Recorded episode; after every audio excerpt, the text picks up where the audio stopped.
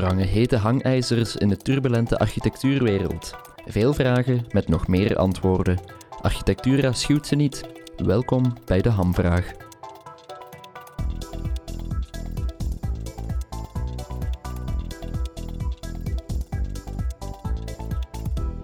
Dit is een podcast van Architectura, mede mogelijk gemaakt dankzij Finstral, Van der Zande en All Colors of Communication. Zet de architectuursector zich voldoende in voor de klimaatcrisis? Ja, maar het kan en moet uh, zeker meer zijn. Kan een architect een directe invloed hebben op de klimaatbestendigheid van een gebouw? Uh, ja, en het is onze uh, maatschappelijke taak om hier invloed op uit te oefenen. Moeten we meer bouwen om een antwoord te bieden op de woningnood? Nee, maar dat weten we al heel lang. Alleen wordt het nu pas echt duidelijk zichtbaar. Is hoogbouw een antwoord op stadsverdichting? Ja, maar voor kleine steden niet om te verdichten, maar voor eerder te ontharden van de footprint. Heeft een architect invloed op de hoge woningprijzen? In sommige gevallen mogelijk wel, maar in de meeste gevallen helemaal niet. Welkom bij de podcast De Hamvraag. Architecten geven vorm aan de wereld waarin we met z'n allen leven en die wereld staat vandaag voor grote uitdagingen. Klimaatopwarming, wooncrisis, energietransitie, materiaalschaarste. Hoe kan je als architect je maatschappelijke verantwoordelijkheid in het licht van al die uitdagingen opnemen? Het is een van de vragen die het Vlaams Architectuurinstituut stelt in zijn nieuwste architectuurboek Vlaanderen. Welke rol kan architectuur spelen in de grote maatschappelijke transities waar we vandaag mee te kampen krijgen? De publicatie van het architectuurboek Vlaanderen, nummer 15 al, vormt de aanleiding voor de hamvraag in deze aflevering. Hoe kan je als architect je maatschappelijk verantwoordelijkheid opnemen? Om deze vraag te beantwoorden zijn, hebben we hier vandaag de gast Peter van Impe van AS77, Nicolas de Boete van Meta en Koen Drossart van Hub. Welkom allemaal. Uh, kunnen jullie zich even voorstellen en ook uh, uitleggen welke link jullie met dit thema hebben? Waarom zijn jullie de gastheer die we hier moeten hebben? Ik begin bij Peter. Uh, ik ben uh, Peter van Impe, uh, zaakvoerder van architectenbureau AST77 in Tiene. En de reden waarom dat ik vermoedelijk hier uitgenodigd ben, is omdat wij een groot maatschappelijk engagement opnemen in onze eigen stad. En daar eigenlijk trachten het debat te voeren, al meer dan tien jaar, over aspecten die we delen met iedereen. Dat gaat over lezingen, dat gaat over debatten, dat gaat over installaties, dat gaat over evenementen maar trachten het debat aan te gaan uh, en daar ons maatschappelijke uh, verantwoordelijkheid op te nemen als uh, architect. En, en merkt het, is er een nieuw elan in, in Tiene dankzij jullie inspanningen? Ik denk dat er een groot elan zit in het sociaal gedeelte en dat er heel veel meer over publiek domein wordt gesproken dan dat voorheen werd. en niet alleen door deskundigen of door beleidsmensen, maar ook gewoon door de mensen op straat of de mensen die uh, betrokken zijn in de stad. En we voelen dat er echt een heel grote betrokkenheid is ontstaan door ook activiteiten uh, als uh, lezingen of oefeningen in het publiek domein te gaan doen. waaronder een picknicktafel buiten te zetten en daar een discussie aan te gaan met de voorbijganger. Koen? Ik ben Koen Drossaert, oprichter en partner bij HUB. Ik denk dat wij uitgenodigd zijn omdat wij nogal een brede kijk hebben proberen ontwikkelen sinds het ontstaan van ons bureau op zoveel als mogelijk schalen in te zetten. En dat betekent ook hoe groter de schaal is, hoe meer impact we hebben. En wij zijn eigenlijk altijd een bureau geweest dat echt impact heeft willen hebben op ons job en daarmee ook op het engagement dat wij als architectenmaatschappij hebben. Oké. Okay. Nicolas? Goedendag, ik ben Nicolas de Boete van Meta Architectuurbureau. Ik vermoed dat ik hier uitgenodigd ben vanwege uh, om soms uh, antitheses die we stellen om de polemiek in gang te houden. Ik denk dat het ook belangrijk is om altijd te blijven discussiëren en in vraag te stellen. Dus ik ben graag uh, de antithese om straks samen tot het synthese te kunnen komen. Prima, we verheugen ons erop. Uh, de maatschappelijke rol van de architect is onmiskenbaar. Het is onmogelijk binnen het bereik van deze podcast alle mogelijke rollen te belichten. We pikken er daarom drie uit: klimaatverandering, het woonvraagstuk en inclusief ontwerpen. Drie thema's die ook uitgebreid aan bod komen in het architectuurboek Vlaanderen: de klimaatverandering, het woonvraagstuk en inclusief ontwerpen. We gaan starten met uh, klimaatverandering.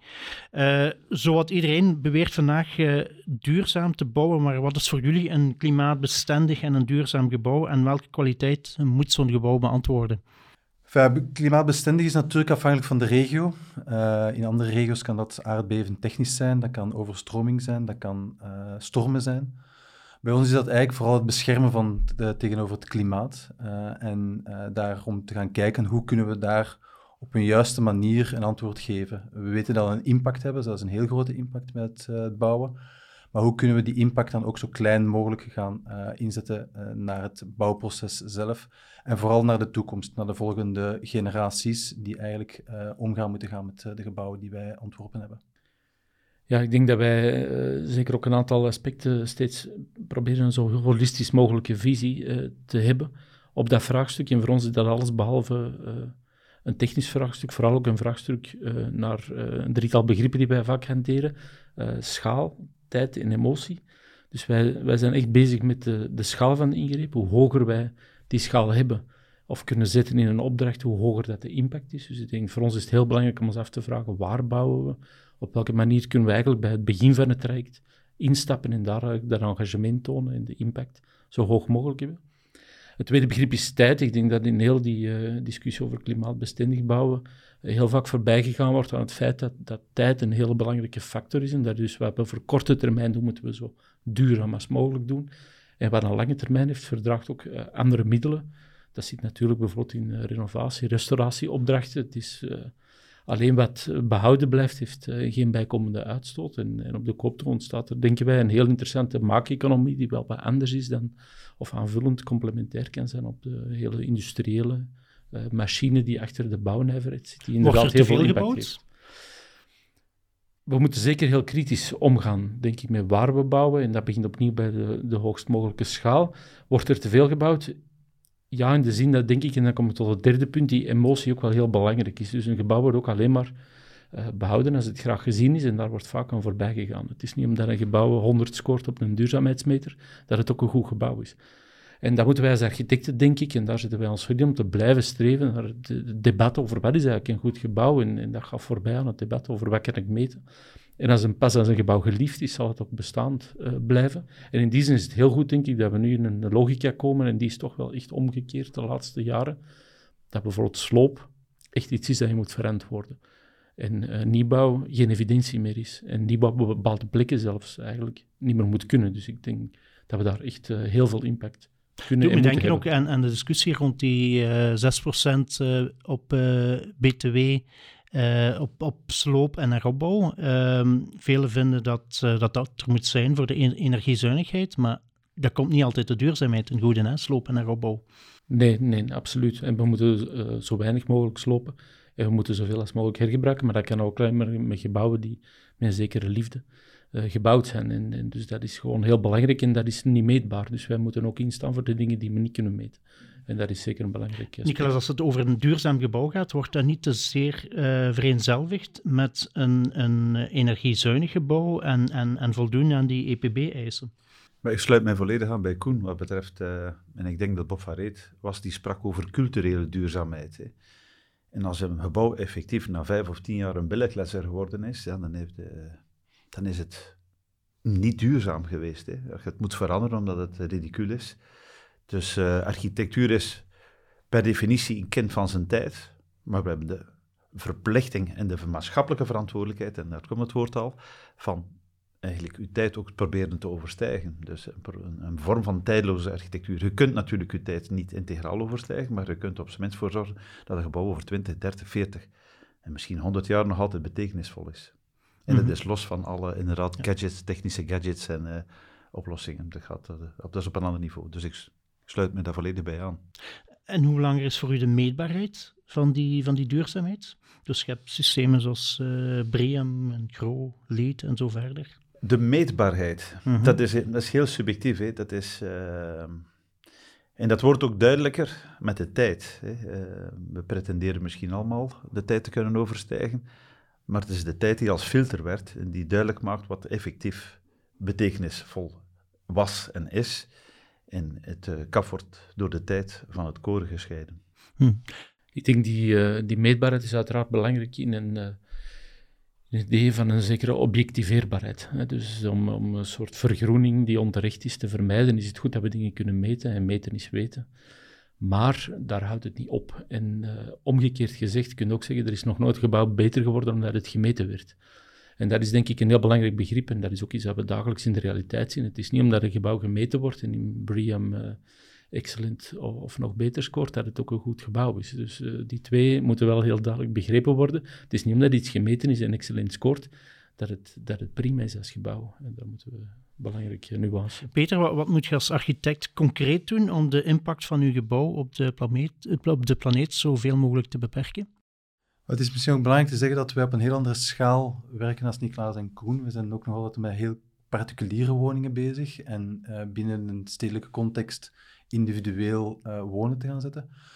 En er is een heel groot verschil tussen de grote projecten, waar dat echt uh, de, de, de impact op de maatschappij veel intensiever is, dan dat je een kleinschalig project hebt. Maar we zien heel hard, en dus daarom dat onze studie in rond Tiene heel leerrijk en inspirerend is, dat we nu de erfenis krijgen van zoveel jaren terug. En uh, die impact op dat klimaat moeten we ook op dat niveau over kunnen brengen. En ook over die particuliere bouwheer te kunnen gaan overtuigen om zijn verantwoordelijkheid daar te nemen. En niet alleen maar te gaan kijken naar grootschalige projecten en daar het afschuimen. En wij proberen dat echt bewustmaking te gaan doen uh, door uh, zo weinig mogelijk te verlijmen of aan elkaar te kleven. Maar daar blijft nog ook altijd die discussie met een persoon die eigenlijk niet professioneel geschoold is om in discussie te kunnen gaan van hoe en wat en op welke manier dat te doen. Uh, hoe doen we dat zelf? We hebben heel hard gepromoot om met aarde te bouwen. We hebben een van de eerste woningen echt waar dat aarde gestampt is met de grond dat we gekocht hebben, met de kwaliteit eigenlijk gaan doen. Maar dat gaat even goed met hoe om te gaan met het nu bouwen en hun duidelijk te maken hoe dat terug, ook terug te demonteren nadien. Eh, dat dat eh, gaat ingezet worden. Hm. Hoe belangrijk is de correlatie tussen biobased bouwen en, en duurzaam bouwen voor u? We zijn geen bureau dat de klanten bij ons aan de deur staan voor biobased bouwen. Eh, we proberen het daarin te zetten, maar het blijft eigenlijk een, een, een, een zoektocht om hen te overtuigen waar dat we eigenlijk naartoe kunnen gaan. Uh, en duurzaam bouwen, we hebben eigenlijk nooit het woord duurzaamheid in de mond genomen in ons uh, kantoor. We spreken altijd over integrale kwaliteit. En dat gaat niet alleen over materiaal of dat gaat niet alleen over uh, techniek, maar dat gaat, zoals er net gezegd is, over de context, over het, het, de tijdsgeest waar dat je probeert iets in te maken. En we weten heel bewust dat we nu op dit moment fouten aan het maken zijn. En dat is onze maatschappelijke taak in de bouwsector als architect, om die fouten echt aan te tonen in de bouwsector, dat we die niet meer kunnen verder gaan maken. Ik spreek maar over uh, spuiten van puur PVC-ramen, al die zaken echt op te gaan zetten van kijk, hoe kunnen we daar naar de toekomst op een andere manier gaan kijken. Niklas, uh, de term duurzaam bouwen wordt soms uh, wordt heel dikwijls ten onrechte gebruikt en, en daar zit je nogal ergens voor, geloof ik. Hè? Ja, wel, dat is natuurlijk het gevaar, is dat het een cliché wordt. Iedereen springt op die kar. Het is een commerce geworden. Uh, ja, het is uitgehold. Dus uh, ik probeer de clichés überhaupt te vermijden, net omdat ze irritatie opwekken, uh, in de plaats van ja, een, een, draagvlak te vinden. Dus voor, mij is het inderdaad een moeilijke term om uit te spreken. Ik schrijf het ook moeilijker en moeilijker in, in wedstrijdboekjes. ja, als je het ook googelt, de aantal hits dat je krijgt zijn megalomaan. Dus dit alleen is niet duurzaam. Uh, het feit dat het zoveel op internet staat. Dus uh, nee, ik probeer het inderdaad te vermijden. Uh, net om, om, om meer met die essentie te kunnen bezig mhm. zijn. En hetzelfde probleem heb je ook met het circulair bouwen, met die term. Uh, wel, niet met de term, het misbruik ook van, want die is nog relatief vers, dus niet, nog niet volledig uitgehold. Uh, maar het is ook een beetje hetzelfde. Uh, alle bedrijven die erop springen, uh, die zichzelf nu profileren als binnen die circulaire sector. en eigenlijk ook, we hadden het recentelijk nog samen erover, het is ook het glijmiddel om inferieure architectuur te maken. want alles is vervangbaar en vernieuwbaar. Terwijl dat ik eigenlijk zeg, we hebben net ook gepleit voor culturele duurzaamheid dat je een gebouw maakt dat de ambitie heeft om 500 jaar te blijven bestaan. En dan moet je niet onmiddellijk denken aan de circulaire. Uh, we moeten eigenlijk de ambitie hebben om steeds en telkens opnieuw een monument te willen maken. Uh, een monument voor morgen, waar we effectief emotioneel koesteren en dat we eigenlijk altijd willen houden. Mm -hmm. um, Koen, de klimaatverandering gaan we niet alleen met architectuur oplossen, maar zeker ook met, met stedenbouw. dat is iets waar jullie veel, veel mee bezig zijn. Hoe kun je als architect ervoor zorgen dat die open ruimte dat die zoveel mogelijk ge, gevrijwaard wordt? Ja, ik denk, ik denk dat het eigenlijk een evidentie is, en dat sluit een beetje aan bij mijn eerste pleidooi, om die maatregelen op een zo hoog mogelijke schaal in te zetten. En ik denk ook dat architecten zich moeten willen bezighouden met alle opgaves met een ruimtelijke impact. Maar natuurlijk zonder het vak te verliezen. Hè. Ik denk dat we, dat we heel vaak ook uh, in het hele discours rond duurzaamheid en circulariteit mensen horen die niet per se verbonden zijn met het architectuurvak en, die culturele duurzaamheid die we er uh, als een heel belangrijke maatstaf bij zien. Dus ik denk dat het voor ons is het wel belangrijk om inderdaad een aantal opgaves die misschien voor de architecten in eerste instantie niet evident lijken. U hebt zelf park rides bijvoorbeeld genoemd. Wij vinden dat interessante opgaves, omdat we daarmee uh, groter impact hebben. Op, niet alleen op het gebouwniveau, maar ook op het niveau van gedrag van mensen. En dat we eigenlijk zo uh, veel meer resultaat uh, bereiken. Maar opnieuw gaat dat alleen maar gaan als mensen zich comfortabel, veilig, geliefd voelen. Dat, dat zijn toch wel basisrandvoorwaarden. Dus ik hou helemaal niet van, van het idee dat, uh, dat mensen gedwongen moeten worden in een bepaalde uh, vorm van wonen, van uh, bewegen, van vervoeren. Ik denk dat die een dwang met de daaraan gekoppelde schuldvraag, dat als je iets niet doet, het schuldgevoel dat erbij hoort, dat dat het meest destructieve is voor alles rond duurzaamheid en circulariteit. En moet een architect ook niet meer durven opdracht te weigeren en, en meer moeite doen om zijn opdrachtgever op te voeten wat dat betreft, Peter? Dat is een heel moeilijke vraag, hè? Uh, uh, zeker weerom, uh, heel veel architecten werken ook als heel kleine bureaus en het blijft ook nog altijd uh, ja, je, je job te doen. Ik ben van mening van wel, maar het is wel altijd een hele moeilijke. wij zijn op dit moment op een schaal dat we kunnen, maar ik zie heel veel collega's die op dezelfde schaal werken die dat niet kunnen. En daar eigenlijk niet onderuit geraken en eigenlijk die oefening niet kunnen doen, omdat het wettelijk kader daar ook is. Uh, spreek maar over vrijstaande woningen, uh, dan ja, uh, moet je dat nog blijven doen. Maar als de wetgeving een, een, verkaving laat maken door een landmeter die meet en daardoor dan dat type woning uithaalt, moet je daar dan zeggen van wij zijn daar ons maatschappelijk verplicht om daar nee op te zeggen. dat is een hele moeilijke, omdat het, wij zijn pas de eindklant zijn of de eindtrek zijn waar dat die klant aan komt te zitten.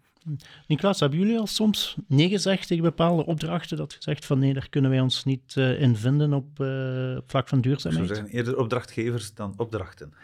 Uh, zijn er immorele opdrachten?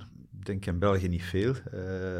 maar zijn er immorele opdrachtgevers? Ja, daar zijn er veel, meerdere in. Hè.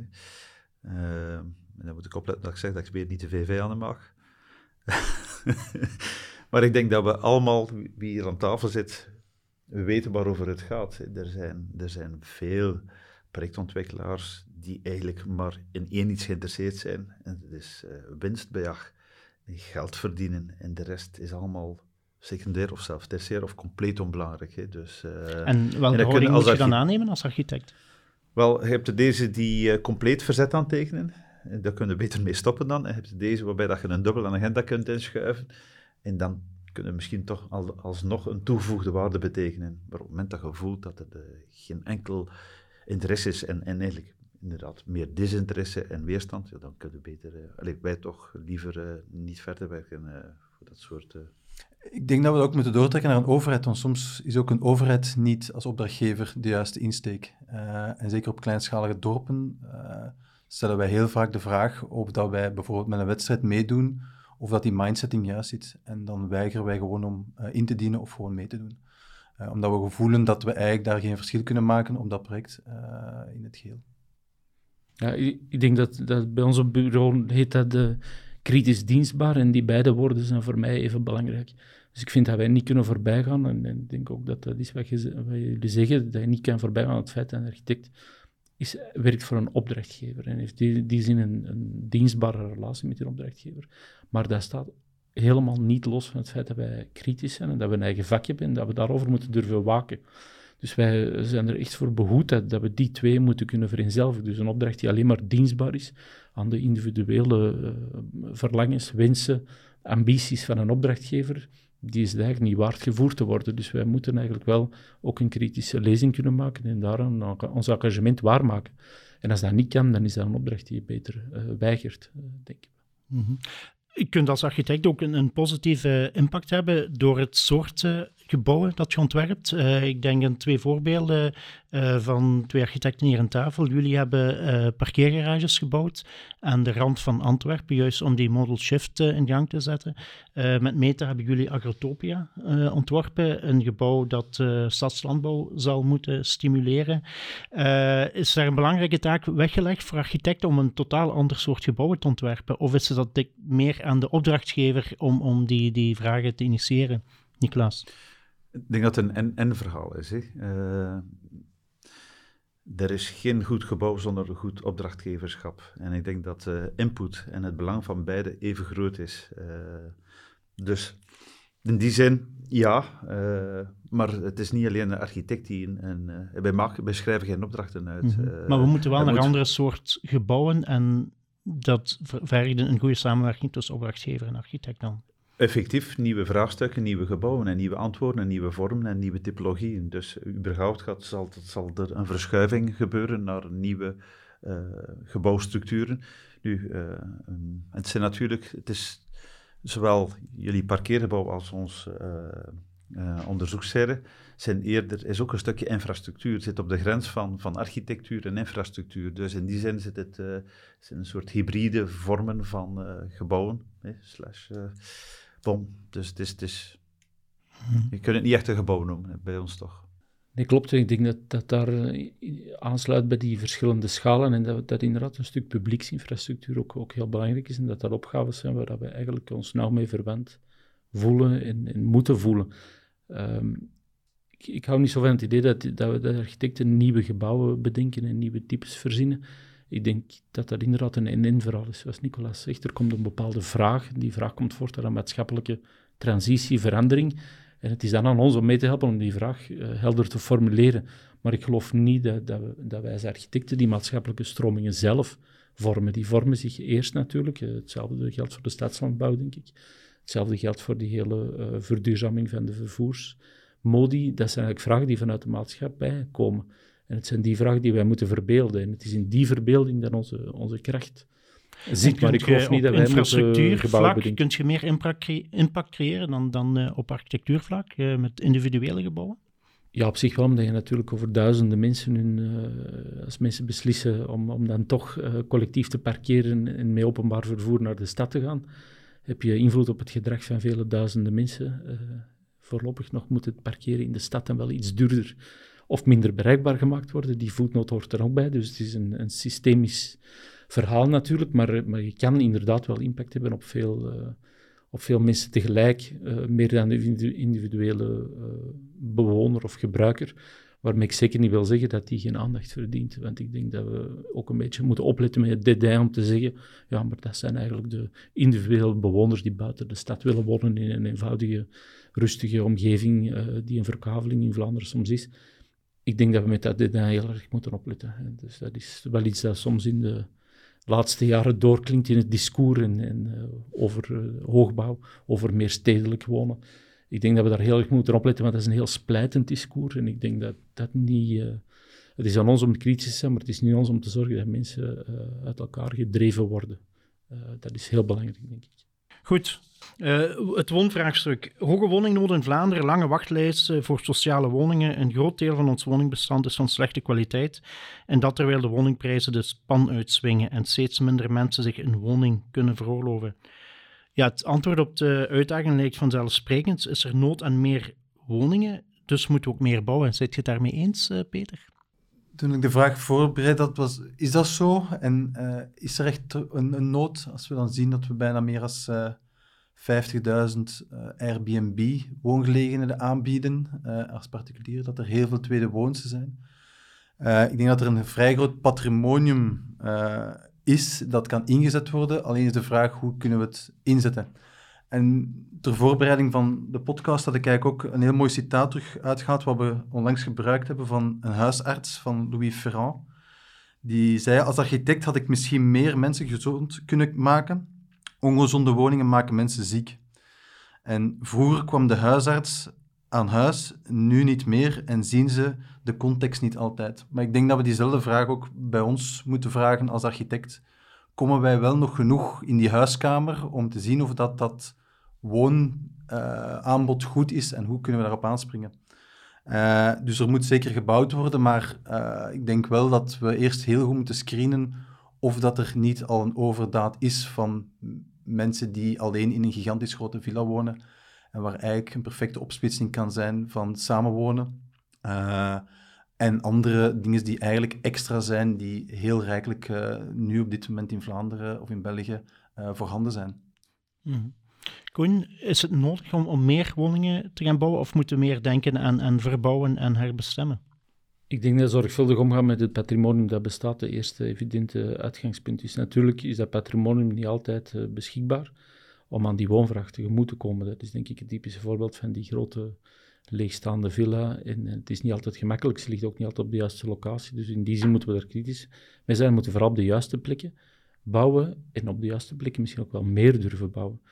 Maar dan niet op een manier die, uh, die mensen niet toestaat om een kwalitatief leven te leiden. Dus ik denk dat evenzeer als bij die individuele villa die leeg is komen te staan, is de buitenruimte van heel groot belang. Is het idee van een zekere ruimtelijkheid van heel groot belang. En dus ik geloof niet dat we zomaar kunnen door blijven uh, stapelen in, in, heel dense omgevingen. Dat zal altijd met een, een uh, grote kwaliteit moeten gepaard gaan van buitenruimte, van collectieve voorzieningen en van ruimtelijkheid, zodat mensen ook graag wonen op de plek waar ze wonen. Mm -hmm. Nicolas, er wordt steeds meer ingezet op collectieve woonvormen, op uh, co-housing en zo, zo verder.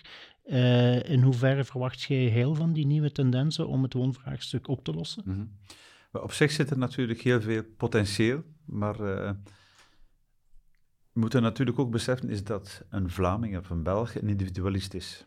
is en überhaupt moet ervoor zorgen dat de, de private en de eigen uh, behoeftes voldoen worden. En dan kunnen we ook een stuk in het collectief werken. Misschien kunnen we een soort reductie maken, een verkleining van het privatieve. En daarmee, daarmee iets meer inzetten in het collectieve. Dus ik geloof zeker dat er een potentieel in zit om, om net die prijzen uh, weer aanvaardbaar te maken. Maar het is een en-en verhaal. Je kunt, kunt het ene niet uitsluiten. Uh, daar gaat uh, een Belg zeer ongelukkig van worden. En zal er ook weerstand komen. En geen dat, je, dat Koen ook eerder zei, we kunnen niks opdringen, want dat werkt niet. We kunnen aanbieden en we moeten, kunnen een soort potentieel aanbieden. Maar voor de rest moeten we ervoor zorgen dat al die existentiële behoeftes van het individu ook worden voldaan. Mm. Maar de de doorsnee Belg verandert ook. En, en ik denk dat hij er nu toch veel meer voor open staat voor die collectiviteit dan, dan 10, 20 jaar geleden. Moeten we dan ook niet een beetje meer vooruitdenken en, en daar toch wat meer op inzetten? Ja, uh, maar dat schijnt nog zeer marginaal te zijn. Uh, dat gaat over 2% dat je spreekt. Uh, ik heb het recentelijk gehoord of gelezen, het gaat over 2%. Dus het zal het grote vraagstuk van het wonen niet oplossen. Het is enkele druppels op een etenplaats, zal ik zo zeggen. Klopt dat? Ja, ik ben het daarmee eens. En ik denk dus, uh, ondanks die interesse die er, die er bij architecten is in, in de collectieve vorm van wonen, die helemaal terecht is, um, is het misschien de meer structurele oplossing die ons ook meer interesseert. Dus ik geloof als de collectieve woonvormen, co-housing vormen, als dat uiteindelijk de collectief geformuleerde antwoorden zijn op individuele woonwensen, dan gaan die structureel heel weinig zoden aan de dijk zetten, omdat je dat eigenlijk geen structureel effect heeft. Je kunt dat heel moeilijk repetitief maken, want uiteindelijk zijn het telkens individuele groepen mensen die samen, hoe mooi ook, op zoek gaan naar het individuele, het collectieve antwoord op hun individuele dromen. Dus ik geloof niet dat dat eigenlijk echt zoden aan de dijk uh, zet. Waar, waar, waar, wij wel in geïnteresseerd zijn, zijn natuurlijk andere vormen die echt impact hebben en, die je kunt uh, opnieuw herhalen, die je kunt opschalen, die je schaalvoordelen kunt geven. Dat heeft wel kansen. Denk en, als je nu, waarom denk je dan bijvoorbeeld? Als je nu bijvoorbeeld ziet dat om de betaalbaarheid te waarborgen, de, uh, er heel veel discussies over hoe de grondprijs bepaald moet worden, of die überhaupt betaald moet worden, op welk moment dat die betaald wordt, onder welke vorm dat die betaald wordt, of dat dat niet een eh, recht is dat tijdelijk is en dat je moet teruggeven, waardoor die prijs ook anders gezet kan worden. Dat zijn echt structurele maatregelen waar we effecten van gaan zien ik denk niet dat we de, het woonlandschap en het woonvraagstuk in Vlaanderen gaan oplossen met co-housing projecten. En, en nieuwe vormen van, van eigenaarschap, zoals het coöperatief uh, wonen? Dat is wat ik bedoel. Hè. Dat zijn structurele modellen die je kunt promoten, die je kunt inzetten, die je kunt verspreiden. Maar, hm. maar co-housing projecten maar beginnen verspreiden met groepjes van tien mensen uh, Ongeveer 2 à 5 procent van, van mensen die daarin geïnteresseerd is? Dat geloof ik niet. Als je nu ziet dat grote bouwgroepen uh, beginnen om, om in hun ontwikkelingstak de grondprijs eigenlijk te verspreiden over minstens al vijf jaar. Ik ken dat straks, die systemen bestaan misschien ook over 50 jaar, en spreekt over erfpachten. Misschien op een andere manier, dan is grond misschien niet meer het eigendom dat je hebt, maar wel het, de woning die erop staat. Die dan, dus ik denk dat daar wel echt andere modellen en, zijn. En wie moet daarin het voortouw nemen in die evolutie? Zijn dat de architecten, zijn dat de projectontwikkelaars, is dat de overheid? Daar geloof ik ook dat dat een, een verhaal is. Dus ik geloof, uh, net zoals Nicolas zegt, in dwingen is niet goed, maar wij moeten natuurlijk wel een regelgevend kader opleggen als, als overheid, of als uh, burgers die de overheid verkiezen. Dus de overheid moet het kader scheppen, en wij moeten terzelfde tijd uh, van onderuit, en daar hebben wij zeker wel meer werk aan de winkel, kunnen wij van onderuit aantonen welke de voordelen van die modellen kunnen zijn, van dingen te delen, en niet alleen individueel te gebruiken. Dus daar kunnen wij zeker uh, in helpen vormgeven. Mhm. Peter, we moeten uh, denser gaan wonen, zegt iedereen, maar anderzijds moeten we ook de woonkwaliteit garanderen. Hoe kunnen we die twee matchen? Is dat uh, geen moeilijke opgave? Als ik terugkijk naar, naar onze eigen stad, of de stad waar we actief in zijn, of mee, vooral in actief in zijn, ligt er een gigantisch patrimonium dat heel dens ook is en dat leeg staat, verkommerd is, slecht onderhouden is. En daar ligt een gigantisch potentieel. En dat is een beetje aanvullend wat Koen zegt. Daar ligt eigenlijk een potentieel om één privatieve tuin die in een bouwblok zit, die gemeenschappelijk te maken en alle woningen daar rond een aandeel of een uh, recht op te hebben om die tuin te kunnen gaan faciliteren. En niet dat die tuin terug binnen x aantal tijd uh, verkocht wordt uh, aan één persoon die daar rijkelijk zijn zwembad kan in hebben en eigenlijk niet kan delen.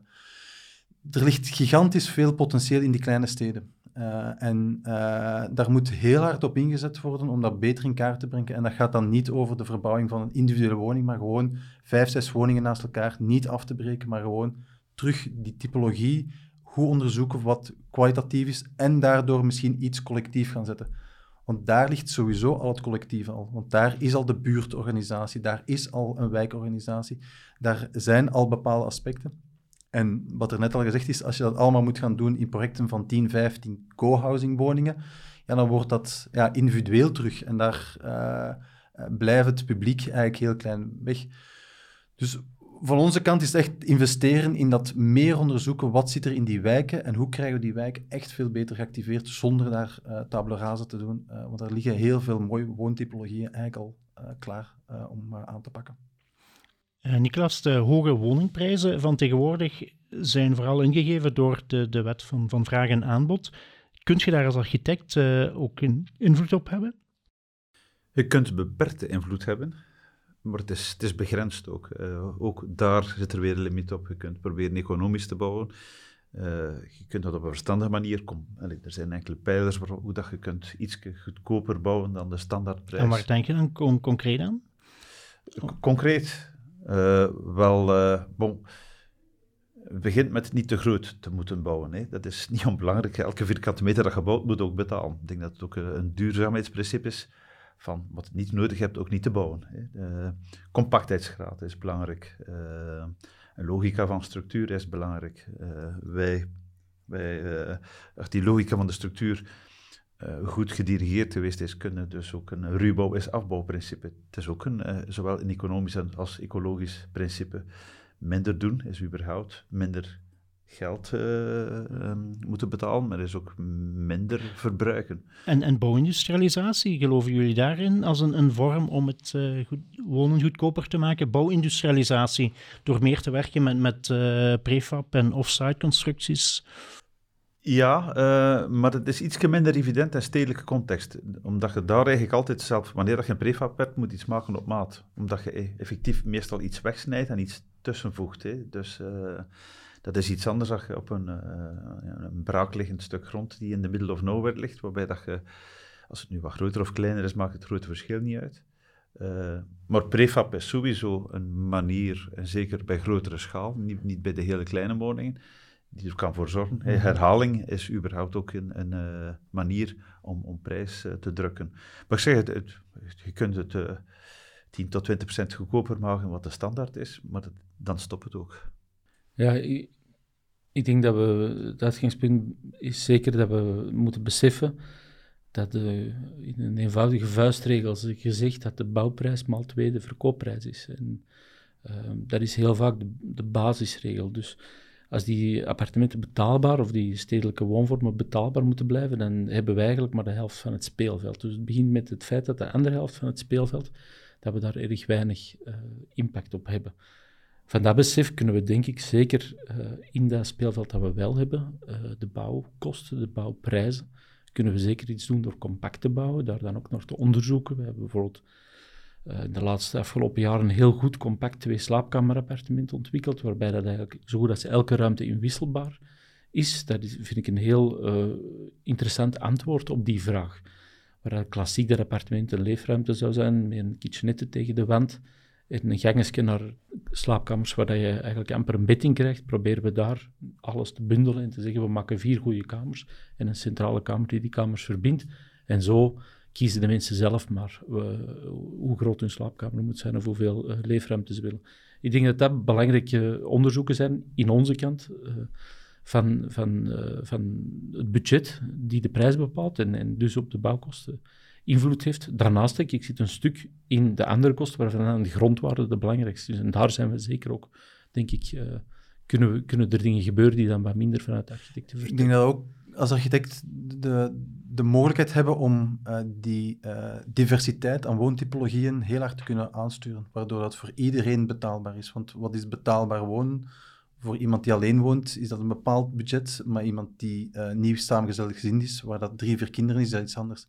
Ik denk dat we daar als architect echt wel het verschil kunnen maken om typologieën of structuren te gaan uh, ontwerpen waar dat die beide kunnen. En dat een persoon ook in dat project kan blijven groeien naar andere typologieën en naar uitbaarheid of koppeling van twee woningen of terug uh, verkleinen dingen, waardoor dat, uh, het voor iedereen op elk moment goed betaalbaar kan zijn.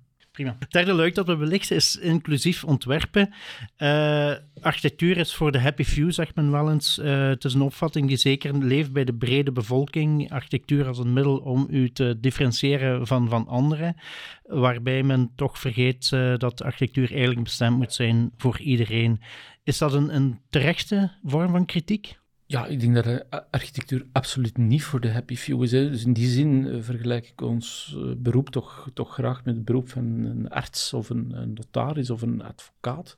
Dat is, dat is ook niet iets voor de happy few, dat is iets waar je naartoe gaat als je daar nood aan hebt. En in die zin is de architect en de architectuur een soort basisdienst eh, die voor iedereen relevant is en die niks te maken heeft, wat, ons betreft, met lifestyle of met uw promoten van een bepaalde levensstijl of, of uh, woningstijl. Dus dat is vooral dat is wel een, brede... perceptie die leeft bij veel mensen wel, hè? Ja, onterecht. Hè? Want als je in de historiek kijkt, dan zie je heel veel uh, sociale woongebouwen in, in allerlei steden, ook in de onze, maar ook in onze omringende Europese steden. Dus we hebben echt in Europa een cultuur van bouwen voor meer mensen op een manier die, die architecturaal bijzonder verantwoord is.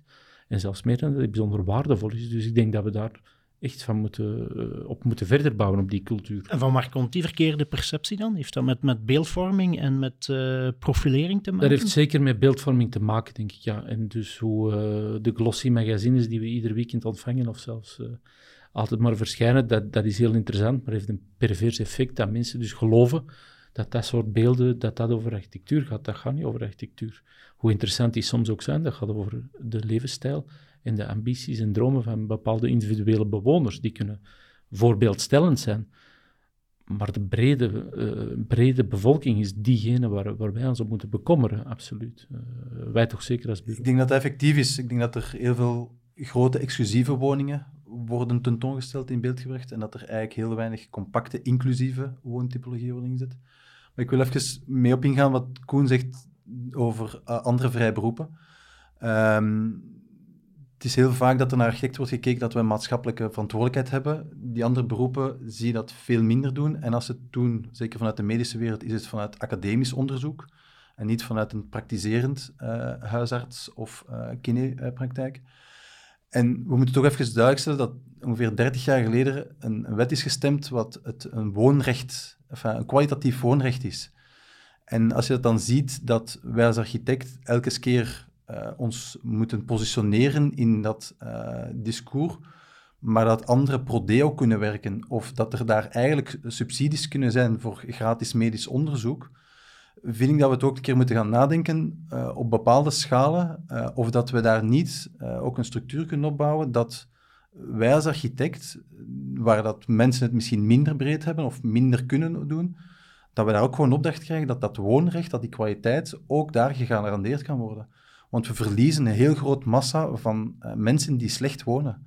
Uh, en dat is bij de bankencrisis heel duidelijk geweest. Dat is nog erger geweest bij de gezondheidscrisis. En ik vrees met de economische crisis die er nu aan het aankomen is, dat dat nog grotere implicaties hebben. Die vierde wereld wordt groter en die gaan niet meer over architectuur.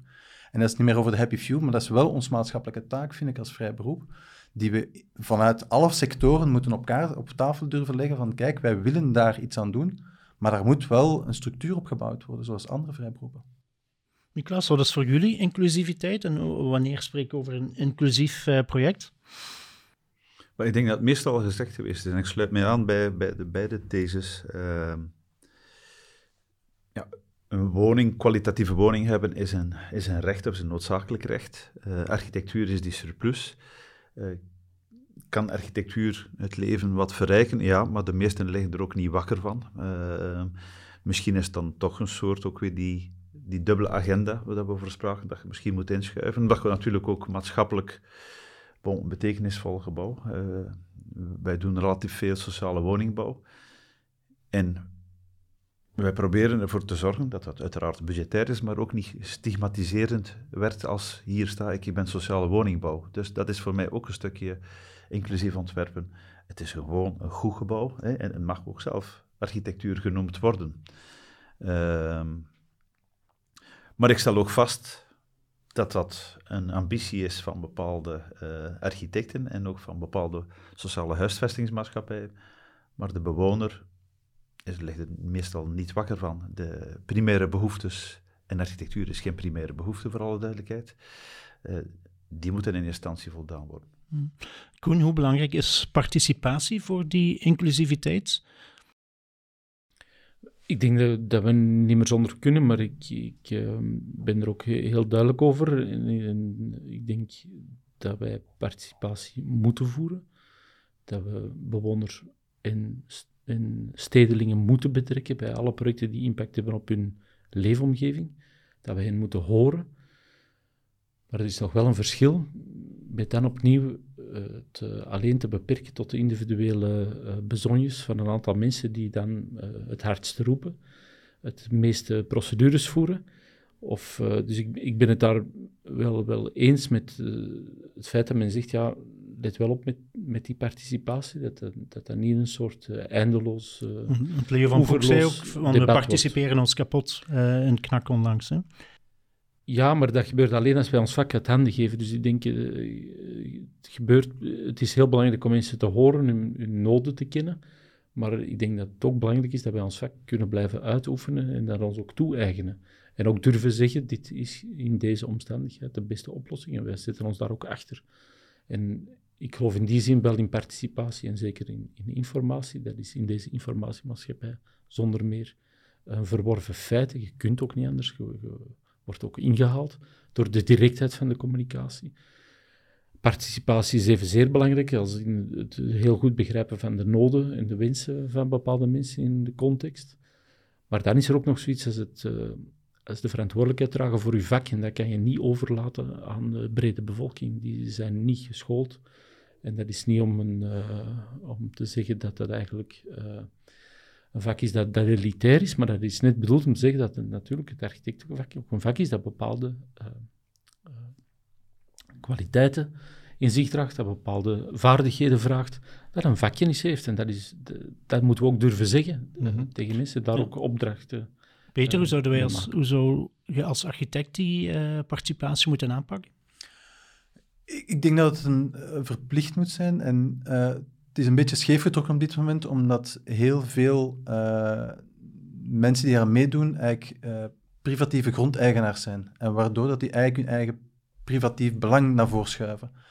En daar is denk ik ook waar dat Leo van Broek naartoe verwijst, dat eigenlijk heel hard dat privatieve naar boven komt. Dan sluit ik aan wat Koen er net zei, is van ja, als dat grondgebied niet meer privatief is, ja, dan kan je die participatie veel beter gaan voeren, omdat dat je dan over andere aspecten bezig bent dan uh, wat op, op, lange termijn moet nagedacht worden, wat die grond dan waard zou kunnen zijn en wat de impact daar, daaromtrent heeft. Als wij het doen, is het altijd in stapsgewijs, minstens in twee of drie stappen. Uh, en dat we eigenlijk eerst informeren over wat we willen gaan participeren, waar mensen eerst naar huis gaan om dat uh, tot zich te kunnen nemen, en een tweede keer om effectief mee te participeren. En dat lukt ook wel. In die zin dat we zelfs gemeentes kunnen overhalen waar dat, uh, of overtuigen om een pastorie naast een geclasseerde kerk die we gaan herbestemmen, niet te verkopen, maar die eigenlijk behouden blijft en waar dat die pastorijtuin in één keer dorpshart wordt en waar dat niet meer uh, de functie in uh, de kerk komt, maar dat we eigenlijk een soort collectief gemaakt hebben, publiek, maar vanuit een participatie om hen te overtuigen dat te doen. En ik denk dat er daar een heel groot uh, draagkracht en een soort vliegwiel kan zijn naar, naar een, een, verandering van opdrachtgeverschap. Maar we moeten zien dat we daar niet als enigste staan als architect. Uh, ik denk dat dat gedragen moet worden uh, vanuit, vanuit heel het ontwerpteam. En dat kan evengoed van mensen zijn die op, op ecologie bezig zijn, op stabiliteit, op, op dingen. Ik vind dat in heel dat maatschappelijk debat moet ook uh, al die partners, die bouwpartners, want wij zijn één element daarin, of één persoon daarin, maar we zitten altijd met een bouwteam of met een team van, van deskundigen om aan te tonen wat dat zit. En soms kan dat ook gewoon nakalculatie zijn van wat dat betekent dan voor de maatschappij. Mm Niklas, ik denk dat jullie als architect een redelijk ambiguë functie hebben binnen de maatschappij. Enerzijds wordt van jullie verwacht dat jullie maatschappelijk engagement opnemen, maar anderzijds hebben jullie ook een, een bureau te runnen waar de financiën moeten kloppen. In hoeverre is het een een drempel voor het ander? Uh, ik denk dat het vooral gestuurd wordt door het karakter van uh, de vernoten. Ehm, de ene die zegt van geld is secundair, onze ambitie is primair. De andere zorgt voor het, uh, en zorgt ervoor dat je wel een evenwicht vindt dat je overleeft. Want effectief, als het ene te sterk overweegt of uh, doorweegt, dan gaat op een bepaald moment je bureau verliezen. En dat zijn ook scenario's die effectief gebeuren. Ja, en de vraag is ook, worden gematigder met verouderen? soms wel, soms niet. wij, ik blijf toch, of wij, Anne, ik, blijf toch graag toch radicale standpunten innemen. Ja, uh, ik heb proberen al consensus te maken, maar ik word er altijd ongelukkig van. Koen, is het vooral de gulden middenweg zoeken tussen sociaal engagement en het financiële rendement? Ik denk dat die beide heel erg belangrijk zijn. Er is geen enkel project op bureau dat wij doen alleen maar omwille van het financiële engagement of rendement. En het is andersom ook geen enkel project dat wij doen alleen maar omdat we er maatschappelijk uh, in geloven en dat het ons geen stuiver opbrengt. In die zin denk ik moeten wij ook durven zeggen wat we zijn. Wij zijn bureaus en die bureaus zijn bedrijven. En die bedrijven moeten hun engagement uh, nemen. En uh, voor mij zijn die beide eigenlijk onlosmakelijk met elkaar verbonden. En het is als, als we een van beide lossen, dan worden we ook iets anders. Dan wordt ofwel een onderzoeksinstituut dat eigenlijk gesubsidieerd moet worden. En dat, is, dat kan een taak zijn voor een architect, maar dat is niet meteen, denk ik, heeft niet, niet heel veel meer te maken met ons beroep. En, uh, en andersom is het ook zo. Als wij alleen maar zouden kijken naar het rendement en de financiën van het bureau, dan zijn we eigenlijk een bank of een belegger geworden en dan zijn wij geen architectenbureau. Dus mm -hmm. ik denk dat dat kritisch dienstbaar heel belangrijk is. Je spreekt nu namens een groot bureau, maar Peter, voor kleine bureaus of startende architecten is het denk ik nog wat moeilijker om die balans te vinden. Uh, ja, maar ik denk dat we moeten ervan uitgaan dat we ook gewoon zelfstandigen en ondernemers zijn. En dat, uh, en zeker als zaakvoerder. Uh, maar ik maak ook wel graag al het vergelijk met een polykliniek. Uh, die is ook rendabel, maar die hebben ook een maatschappelijk antwoord te geven. En die doen dat ook op een ethische, juiste, deontologische manier. En dat is ons taak om dat te bewaken. Uh, bureaus die louter op het economische draaien, vind ik eigenlijk dat we daar ook moeten heel duidelijk een spiegel voor zetten van wat daaromtrent is. En daar gaat deze podcast ook over. Maar we moeten ook de vraag stellen dat er sommige bureaus enkel en alleen uh, dat maatschappelijk doen. En uh, dat moeten we ook in vraag stellen of dat, dat het juiste beeld is van een architectenbureau.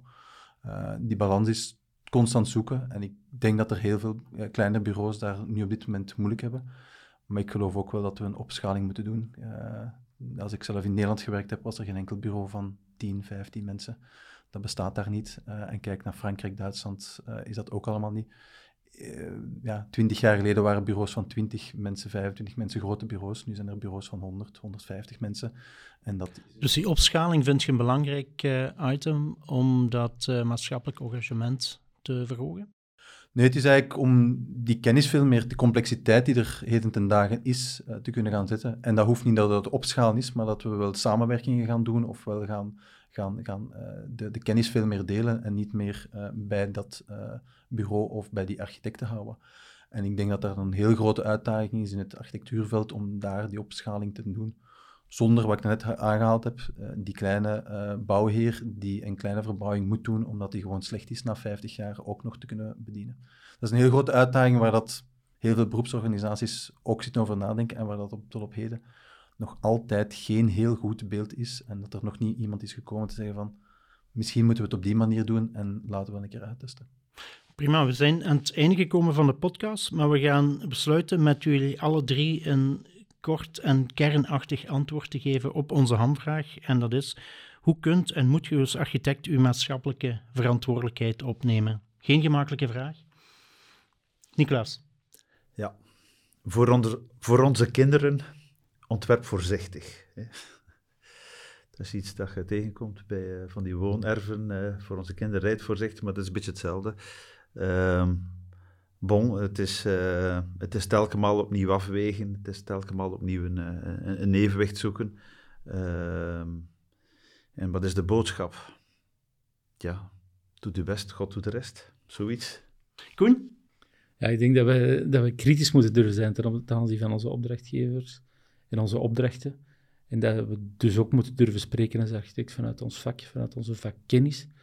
En daar, daaruit, daarin zit voor ons echt het engagement. Dat is durven zeggen waar het op staat, vanuit de kennis die we hebben over ruimte, over gebouwen. En, de, en dat ook durven benoemen. En wij, wij ervaren ook dat er ook in dank wordt afgenomen. Omdat op het moment is alleen maar door daar relevante en aantoonbare eh, effecten mee te sorteren en goede gebouwen te maken, dat men daar ook zal geloven. En wij uh, hechten daar veel belang aan in onze praktijk. Dus dat is toch wel die combinatie van kritisch te zijn en tegelijkertijd te leveren en de dienst te leveren in de best mogelijke manier, op de best mogelijke uh, wijze antwoord te formuleren. Maar geen vooraf vaststaand antwoord. Ik denk dat dat ook heel belangrijk is, en dat zit natuurlijk in dat kritische, van niet te zeggen, oké, deze opgave uh, nemen we voor lief en we weten eigenlijk wat het antwoord is, maar dat te echt te durven bevragen, dat is ons uh, engagement. Peter? Uh, moeilijke vraag, Rick, maar ik denk dat het maatschappelijk engagement in de persoon zit. Uh, als ik geen architect was geweest, had ik ook maatschappelijk engagement genomen in wat ik dan op dat moment uh, had gestudeerd of mijn beroep is. En ik denk dat dat eigenlijk mijn pleidooi is van uh, laat ons dat allemaal doen, maar niet van dat individuele, maar van dat gemeenschappelijke en dat delen. En dan gaan we denk ik de transitie wel kunnen omzetten om naar een, ja, een, een maatschappelijk discours te gaan die niet alleen over het individu gaat, maar over de samenleving aan zich. Ja, mooie woorden om te besluiten. Bedankt allemaal voor het uh, boeiende gesprek. Dit was De Hamvraag, een podcast van Architectura. Deze aflevering werd mede mogelijk gemaakt dankzij Finstral, Van der Zande en All Colors of Communication. Als u interesse heeft in het architectuurboek Vlaanderen, kan je het kopen op de website van het Vlaams Architectuurinstituut vai.be of in de betere boekhandel. Bedankt voor het luisteren en vond je deze podcast leuk? Luister dan zeker ook naar onze andere podcasts op Architectura en Circubeeld. Tot horens!